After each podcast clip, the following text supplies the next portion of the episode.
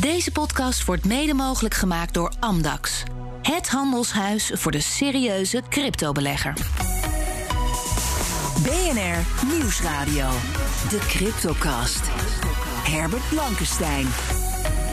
Welkom in de Cryptocast. Met vandaag Europarlementariërs lijken opnieuw te pleiten voor een verbod op proof of work. De cryptomarkten gaan hard op en neer door de oorlog in Oekraïne. En de Oekraïnse overheid ontving al tientallen miljoenen dollars aan donaties. Welke rol speelt cryptovaluta nou eigenlijk in het conflict? Dit is Cryptocast 209 met nu eerst een klein half uur cryptonieuws op de radio bij BNR. En daarna gaan we door als podcast over het boek Van wie wordt ons geld? Van onze gast Mahir Alkaya, Tweede Kamerlid van de SP. Welkom. Dankjewel. Hier uh, voor de derde keer hebben we ze net uitgerekend. Ja, klopt. Inderdaad. Minstens de derde keer in elk geval. Mijn co-host is Paul Buiting, Managing Director bij Holland Gold. Ook welkom. Goed dat je er bent. Um, en wij geven geen beleggingsadvies. Vorm je eigen mening, maak je eigen keuzes. Geef ons niet de schuld. Crypto kan lucratief zijn, maar is ook riskant. Nou, die Europarlementariërs die uh, pleiten voor een verbod op, op, proof of work. Of doen ze dat eigenlijk wel? Het is ingewikkeld. In de laatste versie van MICAR, de Europese regelgeving waar we het onlangs ook al over gehad hebben. Het verbod lijkt vooral gericht tegen Bitcoin. Paul, kun je uitleggen wat er gaande is daar? Ja, je hebt natuurlijk een paar weken geleden nog met uh, Teunis en, en, Bert Slachter uitgebreid uh, in deze uitzending gesproken over ja. de uh, regelgeving die in de maak is. En toen leek het erop dat ehm, coins en, en partijen die een, een, asset uitgeven, in ieder geval een whitepaper moeten, moeten presenteren en daarin misschien een, een paragraaf opnemen over houdbaarheid en over energieverbruik. Um, en dat, dat was eigenlijk de, de status tot voor kort. Want vorige week bleek ineens dat er een aantal Europarlementariërs een amendement hadden ingediend de, de, de draftwetgeving hadden aangepast. Waaruit naar voren kwam dat vanaf nu, of althans vanaf als de wetgeving ingaat in 2025, dat dan het consensusmechanisme wat wordt gebruikt bij Bitcoin en nog een aantal andere coins, zoals volgens nog Ethereum, dat energie verbruikt, dat dat verboden zou gaan worden. En dat zorgt natuurlijk voor heel veel ophef. En, en uiteindelijk heeft het wel toe geleid, ook alle ophef, dat er vooralsnog besloten is om dit niet uh, direct te gaan bespreken. Want het plan was. Uh, niet dat, in stemming te brengen. Ja, dat, ja, dat, daar, ja. dat, dat is uitgesteld tot, tot na de orde. Maar toch um, ook Stefan Berger, degene binnen het Europarlement die verantwoordelijk is voor, uh, voor deze wet en regelgeving, voor het maken daarvan, die, die dacht ook van dit gaat de verkeerde kant op. laten we eerst even rustig nadenken en kijken of de tekst nog aangepast moet worden voordat het in stemming wordt gebracht. Ja, want dat was ook de vraag: verbiedt dit Bitcoin, want op die manier kwam het wel in de pers. Uh, dat was waarschijnlijk niet het geval. Het stond er niet letterlijk zo in. Nee. Uh, maar, maar er werd wel gesproken over uh, ja, energie-intensieve consensusmechanismes. Of, of, iets wat unsustainable zou kunnen zijn. En er werd er ook een uitzondering gemaakt voor, voor kleinere projecten. Dus ja, als, het, als je het alleen hebt over grote projecten, ja, dan zonder bij naam te noemen, kun je al snel concluderen dat het dan gaat onder meer over Bitcoin. Naar de letter was het dus in feite wel zo. En dat ja. wil Berger in feite er niet in hebben. Dus nee, die dus zegt uh, even niet stemmen. Even pas op de plaats allemaal nog eens eventjes goed bekijken. Ja. En het komt vooral vanuit de Zweden. Is er al maandenlang een, een bepaalde lobby gaande om dit soort uh, uh, dingen te, te, verwezenlijken. Er is heel veel kritiek op het proof of work mechanisme in Zweden. Maar ook vanuit de Groenen en de Socialisten. Dus ik ben ook erg benieuwd wat uh, Mahir er straks van vindt. zie je best wel een sterke lobby tegen proof of work en, en tegen Bitcoin feitelijk. Ja, nou laat ik meteen de bal nog even doorspelen dan. Maar hier heb jij hier een een, een, mening over? Of heeft jouw partij hier een mening over? Uh, proof of work en wat er in de Europese regelgeving moet staan op dat gebied? Zeker. Um, helaas, helaas is de Socialistische Partij niet meer vertegenwoordigd in het Europees Parlement. Hè, sinds de vorige verkiezingen zo, ja. uh, hebben we niet genoeg stemmen uh, gehad. Dus de socialisten hebben er wel iets mee te maken, maar niet de SP van Nederland. Dat zijn dus de Socialistische Partij van andere landen die dit voorstel mede hebben ingediend. D dat klinkt al alsof je de schuld aan het afschuiven bent. Ja, en ik sta er ook niet helemaal achter. Kijk, uiteindelijk is het een belangenafweging. Hè het zijn valide argumenten die zij hebben. Proof of work, dat kost uh, veel energie. En uh, we hebben te maken met klimaatopwarming. Dat moet opgelost worden. Maar ik vind dat aan de andere kant... het belang dat bitcoin speelt in het financieel-economisch stelsel... als stok achter de deur richting commerciële banken... maar ook richting centrale banken... dat het een volledig decentraal systeem is... om waarde aan elkaar over te maken. Dat belang is er ook. Dus dat belang vind ik belangrijker. En niet alles waar ik geen fan van ben... zoals het proof of of work systeem, ehm, eh, zoals de Bitcoin nou eenmaal werkt, hoeft gelijk verboden te worden. Dus dit, dit verbod zou voor mij eh, veel te ver gaan. Ja, dat klinkt of jij ook gevoelig bent voor de redenering die hier wel vaker wordt vertoond. Ehm, uh, ja, je kunt ook wel tegen wasdrogers zijn, um, maar dat wil nog niet zeggen dat ze verboden moeten worden. Ja, en nog veel erger. De oude American muscle cars, uh, die, die, verzuipen benzine. Maar moet je die nou verbieden? zijn ook wel gave dingen. Ja. ja. Of bijvoorbeeld het uh, houden van een tweede parlement in Straatsburg, wat totaal overbodig is. Oh, wacht. exact, exact, precies. Gaf dat dan af, zou je kunnen zeggen. Dus die redeneerlijn gaat niet helemaal op. Maar ik, ik snap wel dat mensen zich zorgen maken. Maar dit amendement. Um, ja, ik, ik, denk ook niet dat het uiteindelijk uh, in de praktijk gebracht zal worden. Het Europese besluitvormingsstelsel, het proces, is zo uh, um, ja, complex, ook zo intransparant. Uh, ik vermoed dat het uiteindelijk wel zal sneuvelen in de bureaucratie. En dat is in dit geval goed. Vaak heb ik daar heel veel problemen mee, maar in dit geval zou, het, zou ik daar geen ja, probleem mee mee Daar komen we nog in het podcastgedeelte in elk geval nog wel over ja, te spreken. Ja. Want daarover staan ook passages over in jouw boek, ehm, weet ik. Paul, um, verwacht jij dat er nog iets tegen proof of work in die regelgeving komt? Of is het gevaar hiermee afgewend? Het lijkt mij, het lijkt mij heel erg onvoorstelbaar. Want Europa zou zichzelf echt een slechte dienst bewijzen als we nu uh, dingen als bitcoin gaan verbieden. En mensen moeten zelf in vrijheid de keuze kunnen maken of ze dit soort uh, alternatieven en initiatieven gebruiken.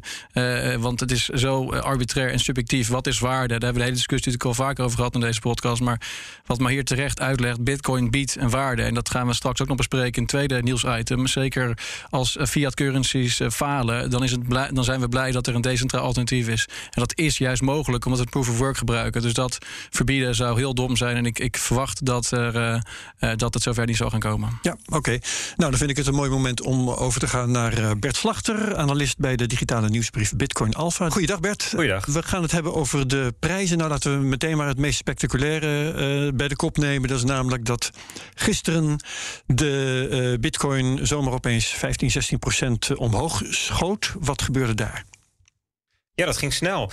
Ja, um, wat er gebeurde, uh, dat is een goede vraag. De koers ging van 37.000 naar 43.000 dollar in uh, best wel korte tijd. En natuurlijk zitten daar ook um, gedwongen verkopen bij. We hebben wel vaker over de short squeezes. Dus mensen die um, verwachten meer uh, downside, meer lagere koersen. Hadden zich daar, daarop gegokt of daartegen ingedekt. Maar gedwongen aankopen bedoel je dan toch?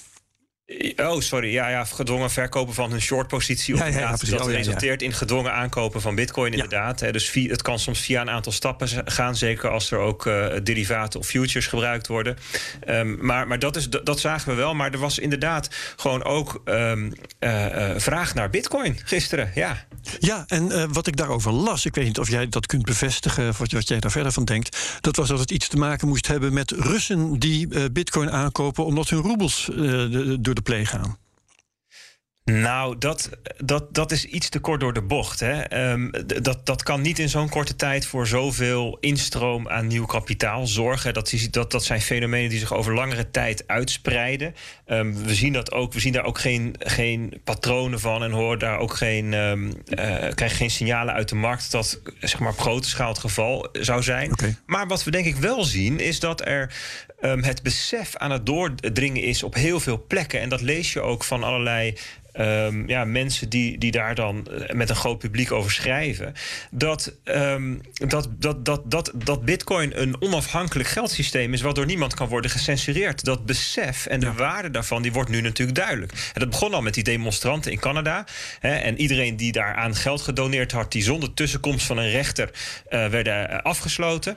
Nou, dan zie je nu vluchtelingen uit Oekraïne die gewoon vertellen: joh, alles moeten achterlaten. Ik ben alles kwijt. Mijn creditcards, maar ik heb nog wel toegang tot mijn bitcoin. Hulporganisaties in Oekraïne die inzamelen via uh, bitcoin en Ethereum. Omdat het, het, financiële systeem, de banken liggen daar gewoon uit. Die liggen plat, ook door, door grote uh, uh, cyberaanvallen. En zelfs de, de Oekraïnse overheid. Maar ook de Russische burgers. Hè? Want kijk, we kunnen het natuurlijk allemaal hebben over, um, over wat Poetin doet. Maar burgers zijn natuurlijk ook zat van, die hier niet uh, persoonlijk voor gekozen hebben en wel de dupe van zijn. Hè. Ze worden nu geïsoleerd van de buitenwereld, ze zien hun munt crashen, Goederen worden duurder. zijn leeg. Ja, inflatie. Ja, en, en, en ook zij hebben allemaal toegang tot bitcoin. De mensen komen erachter van, ja, het is dus de vriend en de vijand. Het is, uh, bitcoin heeft geen mening over wie er iets mee doet. Is er iets ja, bekend een over waarde? Ja, zeker. Is er iets bekend over de uh, acceptatie van bitcoin in de detailhandel in Rusland? Want je kunt wel bitcoin hebben als Rus, maar uh, als je er niks mee kan, dan uh, is het ook niet zoveel waard. Nou, nee, dat, dat weet ik niet. Uh, kijk, je ziet natuurlijk wel in situaties dat. Uh, dat, dat de, de standaard systemen er niet meer zijn, dat mensen naar een alternatief zoeken en dan onderling wel weten af te rekenen. Uh, maar maar um, of nou de supermarkten daar, daar nu, je daar nu mee kan Nee. betalen, dat denk ik niet dat dat zo snel opgetuigd is. Nee. Um, als we nou ietsje verder terugkijken in uh, de afgelopen dagen, dan was er op de dag van de inval. Uh, ja, gingen goud en bitcoin eigenlijk samen dezelfde kant op. Um, kun je daar wat over zeggen? Nee, dat was dus precies niet zo. Dat was natuurlijk Oh, heel, heel interessant dat, dat de, de ochtend, ik geloof ja, dat het ja. om, uh, ja, ja, om half vier 's ochtends of zo, toen, toen maakte Poetin bekend dat ze een militaire, uh, in, wat was het ook weer, militaire oefening, nee, een invasie. Hij noemde het, gaf het een bepaalde naam. En toen zag Mhm. je die de financiële markten daar direct op reageren. En goud steeg een procent of zes en bitcoin daalde een procent of zeven. Eigenlijk in heel korte tijd. en die initiële reactie die zegt wel iets over hoe de markt op dit moment zowel goud als bitcoin percipieert. En dan is goud dus nog steeds de traditionele veilige asset en bitcoin dan toch de risicovolle asset. Ja, ja en ook die je het makkelijkst kunt verkopen. Hè? Dat is dan uh, een uh, effect dat je bij bitcoin veel ziet... dat uh, mensen die geld nodig hebben dat snel van de hand doen... omdat het zo lekker liquide is. Ja, dat, dat, dat, dat uh, verklaart in ieder geval waarom Bitcoin vaak heel snel, hè, dus binnen heel korte tijd en heel heftig reageert. Maar, uh, zeg maar de tendens is nog wel dat mensen het dus zien als iets waar, waar ze uit moeten stappen op het moment dat de risico's toenemen. Ja, ik heb ook nog even naar de kaarten zitten kijken en het viel me op dat sinds uh, 22 januari of zo dat. Uh, Bitcoin en aandelen uh, precies uh, de andere kant op gaan. De aandelen zijn aan het zakken en de bitcoin is aan het stijgen. Dat gaat al een hele tijd ja. zo. Ja, dat is, ze zijn nu weer iets aan het ontkoppelen. Hè? En zeker de laatste dagen natuurlijk. Ja. Dat klopt, ja. Dus die, zeg maar het hele verhaal van um, Bitcoin is eigenlijk niks anders dan techstocks on steroids. Weet je, dat soort ja. krantenkoppen zag je langskomen. Ja, dat is gewoon wel iets te kort door de bocht. Hoewel we wel zien dat Bitcoin en uh, risicovolle aandelen... Uh, dat die um, om dezelfde redenen bewegen de laatste half jaar. Ja, ja, nou ja, dan praat je over geopolitieke effecten. Ja, en macro-economische effecten. Ja. Dus verwachte verkrapping van het monetaire beleid bijvoorbeeld. Dus dat soort uh, grotere zaken. Ja, waar vooral professionele beleggers gevoelig voor zijn. Ja. Als we nog even kijken naar de, nou ja, de nabije toekomst. Uh, kun je iets zinnigs zeggen over wat je verwacht de komende, nou, de komende week? Nee, dat lijkt me niet zinvol, omdat de, zeg maar, de, de, de ontwikkelingen in de zeg maar, geopolitiek, die zijn nu zoveel, wegen zoveel zwaarder dan, dan alle eigenlijk andere, andere signalen die je over, op de markt kunt oppikken. Hè, dat, um, ja, dat het is niet zo zinvol om nu echt voorspellingen of verwachtingen uit te spreken. En je zou, als je van iets afstand ernaar kijkt, kun je zien dat, dat, dat de koers van Bitcoin en daarmee eigenlijk alle andere crypto assets de afgelopen twee maanden Um, in een bepaalde bandbreedte hebben gezeten en daar ook nog steeds keurig in zitten. En dat ja, het positieve en negatieve nieuws wat elkaar afwisselt, hè, of de hoop en de wanhoop die elkaar afwisselen, dat die alleen maar binnen die range voor beweging zorgen. En dat, ja. Is, ja, dat is op zichzelf al sterk te noemen. Maar ik zou, dit, dit is typisch een tijd waarbij uh, ja, weet je, het kan morgen weer helemaal anders zijn. Ja, oké. Okay. Nou, uh, voorlopig zijwaarts dus met daarbovenop een flinke dot uh, ruis en volatiliteit. Hè? Zo mag ik het wel samenvatten.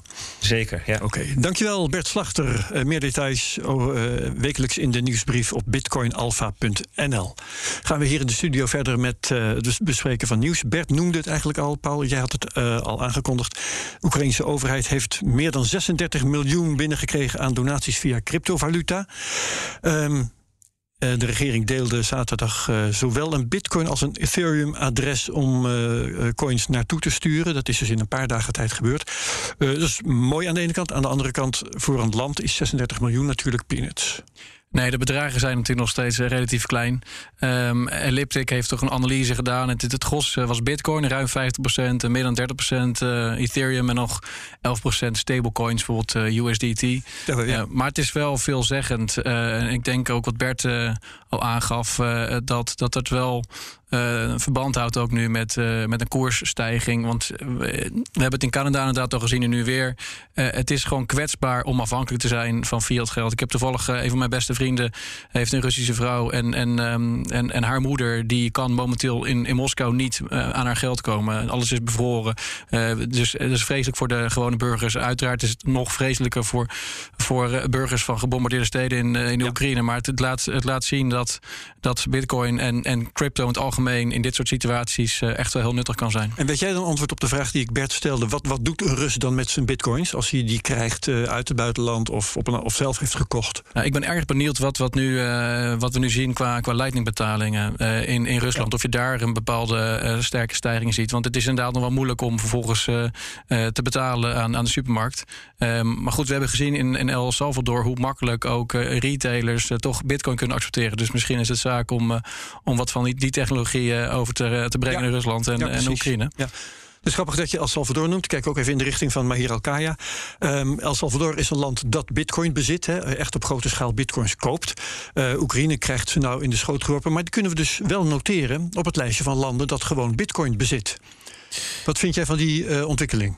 Ja, dat is relevant. Hè? Dat, dat, dat, ja, dat mensen uh, of dat, dat landen dat als, als reserve gaan aanhouden. En uh, daarmee de zaak kunnen financieren die ze anders niet zouden kunnen financieren. Maar ik vind het vooral ook relevant dat we dus echt een functionerend internationaal betalingsverkeer naast de commerciële banken erbij hebben. Ja. Dus de omvang, eh, zoals jij aangaf, dat is nog wel beperkt, maar het functioneert wel. En ook dus richting Rusland eh, maakt men zich nu zorgen dat die sancties die aan Rusland worden opgelegd, bijvoorbeeld eh, ontkoppeling van, van SWIFT, dat die minder effectief zullen zijn, omdat Rusland een alternatief heeft. Of een, een begin van een alternatiefje. Ja. En dat, dat is wel echt een relevant gegeven. Kijk, die positie die die landen opbouwen, dat is nog allemaal vrij, vrij beperkt. Maar het feit dat het kan, denk ik, dat, uh, dat het in de toekomst veel effect zal hebben. Omdat uh, simpelweg de macht van het Westen aan het afnemen is. Het is minder uh, erg, minder relevant aan het worden om afgekoppeld te worden van SWIFT. Nu is het nog steeds wel ernstig. Hè? Dus mensen maken zich in Rusland ook zorgen daarover. Um, en, en voor de gewone man snap ik dat ook wel. Hè? Voor, de, voor de omgeving van Poetin zijn die sancties natuurlijk hartstikke terecht. Maar de gewone Rus die heeft daar waarschijnlijk ook helemaal niets mee te maken. Die is waarschijnlijk tegen die oorlog, maar die krijgt ook met die sancties te maken. Ja. Uh, en, en dan is het wel relevant dat er iets ontstaat buiten de commerciële bank om en buiten de sancties en buiten de geopolitiek om, waarmee mensen gewoon wel hun leven kunnen blijven leiden. Ja, maar het is wel een, een, een munt met twee kanten, letterlijk en figuurlijk zou je bijna zeggen. Um, want aan de ene kant kan een land als Rusland, uh, dankzij het feit dat crypto bestaat, mogelijk die sancties voor deel ontlopen. Aan de andere kant kan een land als Oekraïne dankzij het feit dat crypto bestaat, uh, collecteren in, in cryptovaluta. Dat is dan wel weer leuk. Um, ja, hoe valt die afweging uit? Christine Lagarde bijvoorbeeld heeft gezegd dat ze zich daar zorgen over maakt. Crypto zou dan een manier zijn nou, om, die, om die sancties te ontlopen. Terwijl we dat natuurlijk niet willen, is dan de, de implicatie. Um, ja, vind je daar iets van? Of uh, zeg je die technologie is neutraal en, die moet, en we moeten maar gewoon zien dat we het ermee rooien? Nou, precies dat. Die technologie is neutraal. Christine Lagarde is niet neutraal. Christine Lagarde is politiek gekleurd, die heeft een belang erbij. Dus ik snap dat zij een neutrale digitale munt, dat zij dat een probleem vindt. Ik vind het een, uh, ja, een waardevolle toevoeging. En het is in ieder geval een geopolitiek relevante ontwikkeling. Dus we moeten er in ieder geval ja. uh, meer met elkaar over hebben wat het, wat het betekent. En ik zou het ook niet uh, direct afdoen als iets, iets negatiefs. Zo'n neutrale aanvulling op eigenlijk al het andere geld wat niet neutraal is. Ja, wat vind jij ervan, Paul? Ja, Christine denkt natuurlijk uh, never waste a good crisis. En die, ja. uh, die, die denkt, nou, als dit is een, een, een mooie gelegenheid om, om misschien uh, crypto of bitcoin aan banden te leggen. En wellicht gaat het ook weer negatieve uitwerking hebben op de, de MICAR-wetgeving. en zoals die dus nu wordt geschreven, zoals we besproken hebben. Dus nee, ik, ehm, ik ben het absoluut met, met haar oneens. En ik denk dat zij zich moet concentreren op de problemen die de euro zelf heeft. Want dat gaat de komende jaren ook nog wel naar boven komen. En dus het is ehm, ja, geen goede ontwikkeling. Ehm Ja, oké. Ehm, laten we even vooruitkijken naar ehm, de podcast die we straks gaan maken. Waarin we praten over het uh, boek dat Mahir Alkaya heeft geschreven. Um, ik ben even aan het kijken. ik kan de titel even niet terugvinden. Van oh ja, wie van, wie wordt ons geld? de juiste regel in het draaiboek hield zich eventjes schuil. Van wie wordt ons geld? waarom heb je dat geschreven? Omdat, uh, precies omdat Christine Lagarde niet alleen maar bezig is met, uh, met de bitcoin... maar ook zelf een digitale munt aan het ontwikkelen is. De Europese Centrale Bank is ja. bezig met, een, uh, met de ontwikkeling van eigen munt. dat de digitale gaat, euro, hè? De digitale euro, exact. Currency, ja. En alle gesprekken daarover vinden nu achter gesloten deuren plaats. Allerlei beslissingen dus over onze privacy... over negatieve rentes al dan niet... waar het wel en niet voor gebruikt kan worden. Al dat soort beslissingen worden achter gesloten deuren nu uitbediscussieerd. Daar wordt over geëxperimenteerd...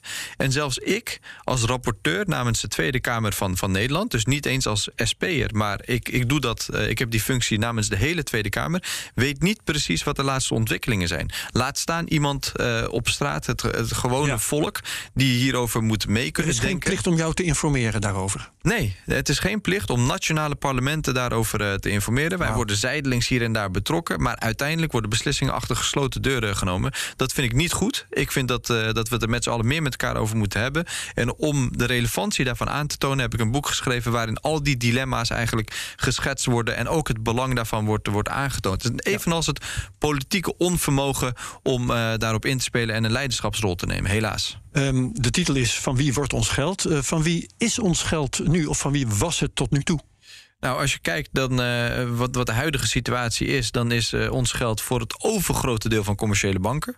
Dat zijn commerciële banktegoeden waar we allemaal mee betalen. Dat zijn uh, nulletjes en eentjes in onze apps en de computerschermen via internetbankieren of via de pinpas, die over internetkabels heen vliegen of door internetkabels vliegen. En voor een heel klein deel, voor ongeveer 7%, is dat contant geld. Dus contant geld, dat is iets meer van ons zou je kunnen zeggen. Dat wordt uitgegeven door de centrale bank, door de, door de overheid. En uh, da, die positie uh, is nu aan het veranderen. Zowel de centrale bank is die positie ja. aan het verstevigen, dus met die digitale euro. En commerciële banken die dreigen hun positie kwijt te raken. Enerzijds aan die centrale banken die bezig zijn met eigen cryptomunten, maar anderzijds ook dus aan de bitcoin en andere digitale munten die in opkomst zijn. Oké, okay. um, van wie wordt ons geld gaan we straks uitgebreid bespreken in de podcast die volgt op uh, deze radio-uitzending. Tot zover de Cryptocast op BNR. Bedankt Mahir Alkaya en ook co-host Paul Buitink. Ook hartelijk dank. Uh, we zien jullie straks allebei terug in de podcast. We zetten het gesprek daarin voort. Wie meegaat, van de luisteraars tot straks. Wie afhaakt, ook goed. Bedankt. Heel graag tot de volgende week bij de Cryptocast op BNR. Deze podcast wordt mede mogelijk gemaakt door Amdax. Het handelshuis voor de serieuze cryptobelegger.